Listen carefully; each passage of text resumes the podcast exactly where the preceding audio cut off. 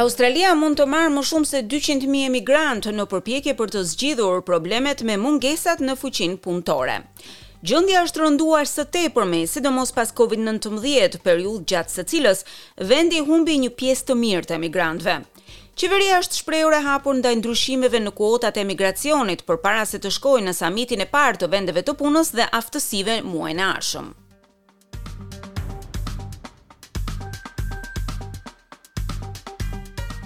Sektori i kujdesit për të moshuarit është një prej atyre që janë goditur rëndë nga mbyllja e kufinjve. Mungesat e stafit janë kthyer në një shqetësim kombëtar. E një fakt i tillë ushtron presion mbi stafin e mbetur, deri aty sa shumë prej tyre largohen plotësisht nga ky profesion. Një eksod i vërtetë i punëtorëve të superlodhur, siç shpjegohet nga drejtori i Anglicare në Sidni, Simon Miller. There's been a report recently that there's around sixty five thousand workers are leaving the sector every year. Ka patur një raport kohët e fundit sipas të cilit gjashtëdhjetë e pesë mijë punëtorë largohen nga ky sektor çdo vit. Nuk jemi të imunizuar nga kjo. Ka qenë një kohë e vështirë e na duhet të plotësojmë boshllëqet. Punëtorët e huaj janë një mënyrë shumë e rëndësishme për t'i mbushur këto boshllëqe. Ardhja e emigrantëve të aftë mund të ndalojë rënien në humnerë për Australinë. dhe zoti Miller thotë se ka nevojë për garantimin e një lloji të ri vize, e cila do të synonte zgjidhjen e krizës në sistemin e kujdesit shëndetësor. We would be very keen to see the government support the sector with specific visas for aged care. There will be a demand on the sector for more. Ne jemi të etur për të parë që qeveria ta mbështesë sektorin tonë me viza specifike për kujdesin për të moshuarin. Do të ketë një kërkesë të lartë për punëtorë në këtë sektor. Kjo do të thotë se kemi më shumë nevojë për punëtorë të huaj. Kemi nevojë për një vizë specifike e cila do t'i vinte në ndihmë plotësimit të këtij boshllëku.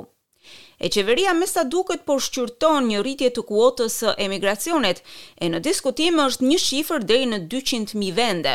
Ministri i Aftësive dhe Trajnimit Brendan O'Connor thotë se ka një angazhim të veçantë të qeverisë së tij për të zgjidhur problemet me mungesat e fuqisë punëtore. We're open to making sure we supply labour and skills in this country. We understand, in fact, according to the OECD, Jemi të hapur për t'i siguruar vendit fuqi punëtore.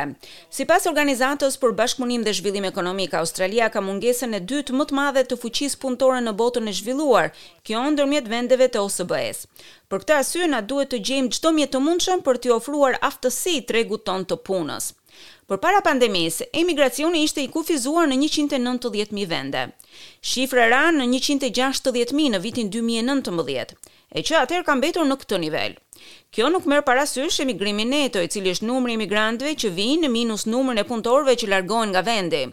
Gjatë pandemisë, emigrimi neto hyri në territorin negativ. Zoti O'Connor thekson rëndësinë jo vetëm për të tërhequr punëtorë të rinj të kualifikuar në Australi, por edhe për të mbajtur ata që janë futur atje. Two things, one obviously allowing people to come into the country where there are acute skill shortages and two providing temporary visa holders. Dy gjëra. Njëra është padyshim t'i lejosh njerëzit që të vijnë në këtë vend, sidomos kur ka mungesa në tregun e punës. E dyta është t'i japësh atyre personave që kanë viza të përkohshme një rrugë drejt qëndrimit të përhershëm, që padyshim i jep atyre një mundësi për të vendosur të qëndrojnë. Por nga ana tjetër, statusi i punëtorëve emigrantë dhe i atyre që kanë viza të përkohshme është një shqetësim për sindikatat, të cilat kujdesen për t'u siguruar që punëtorët ndërkombëtarë të mos reduktojnë një alternativë më të mirë për punëtorët vendas. Michele O'Neil nga Këshilli Australian i Sindikatave shpjegon. The first thing we have to check is whether there's really a skills shortage or whether it's a shortage of jobs with fair wages. Gjëja e parë që duhet të kontrollojmë është nëse mungesa e aftësive është e vërtetë apo nëse është mungesa e aftësive të vendeve të punës të shkaktuara nga mungesa e pagës dhe kushteve të drejta. Shumë shpesh, punëdhënësit pretendojnë se ka mungesa, por në të vërtetë, siç e dimë, kemi parë që punëtorët e përkohshëm, emigrantët, janë të shfrytëzuar, sepse nuk marrin pagat e nevojshme dhe nuk u jepen kushtet e nevojshme të punës.